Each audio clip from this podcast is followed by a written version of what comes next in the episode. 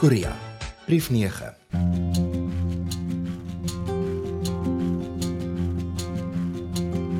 Ek wonder altyd wat kyk 'n mens weer op TV na die Olimpiese spele verby is. Soos enige ander land, fokus Korea se uitsaai autoriteit op die sporte waarin hy verteenwoordiging het. Dit is verder altyd snaaks as daar 'n sport is wat sy oorsprong in die land het waarin die land se verteenwoordigers nie so goed doen nie. 'n Swart vrou van een of ander Midde-Oosterse land wat die Koreaanse taekwondo vegter in repe skop, of Engeland wat sy rugbyspan so vroeg uitgeskakel is in die wêreldbeker rugby.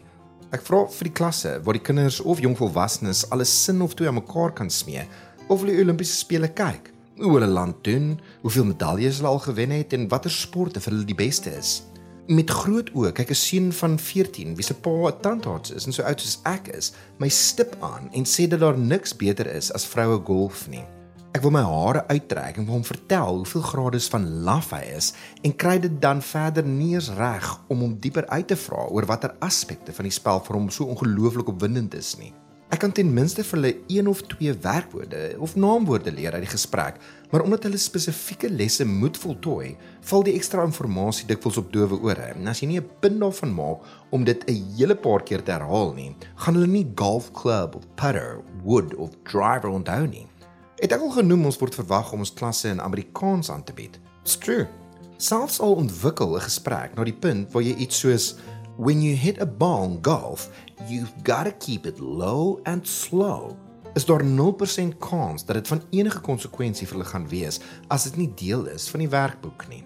Om klas te gee vir Koreaanse kinders is 'n bittere fyn kuns en min of meer net so opvoering waarby jou leerders eintlik meer skeppers is van die verhaal waar hulle ook optree en toeskouers is. 'n Mikrokosmos van 'n lewetjie speel homself af met die geboorte van 'n idee in 'n uur se klastyd.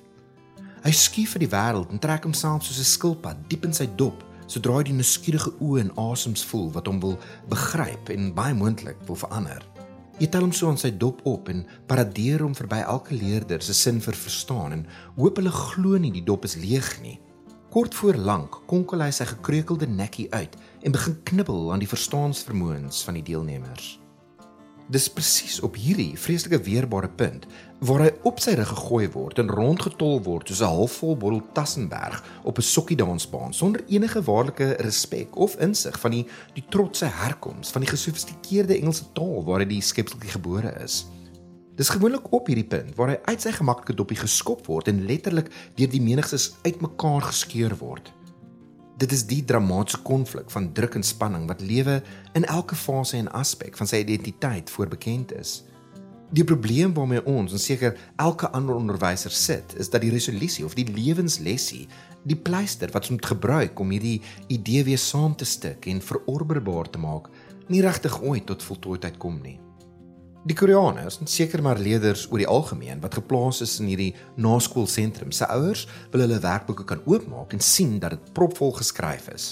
Dis asof hulle so slawe wat 'n blok van 'n piramide myle ver moes trek, net moet kan wys dat die blok nie meer is waar hy was nie, maar nooit kyk na die ongelooflike struktuur wat voor hulle opgebeur het uit die aarde waar daar eens niks was nie. Hierdie verduideliking is seker 'n breë veralgemening en power vergelyking, Maar sukses in die vorm van 'n vol boek verskaf 'n vals sin van werklike begrip wat baie teleurstellend is.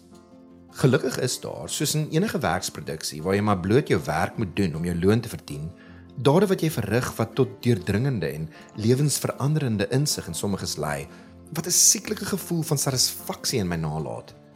Dit staan uit as 'n alleenstaande dryfveer wat jou krag en aansporing gee om nie konstant te wil moed opgee nie. Ek word volgende week 40 jaar oud. Ek moet nog besluit of dit 'n mylpaal is en of dit soos waarmee baie sal saamstem, 'n grens is wat 'n bietjie vreesaanjaend en vreeslik onverskillig is om oor te steek. 'n Mens eindig seker maar op soos wat ek doen om jouself tot redelike introspeksie te rig.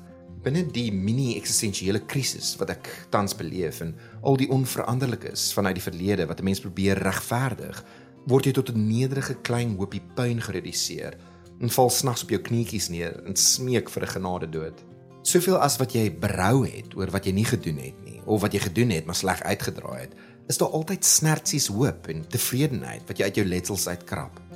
Om 'n pa aan te haal vir die tyd wat jy nog gespaar word op aarde, is jy dankbaar en tot en met daardie tyd wanneer jy die tydelike met die ewige verwissel, moet jy maar slap sag julle.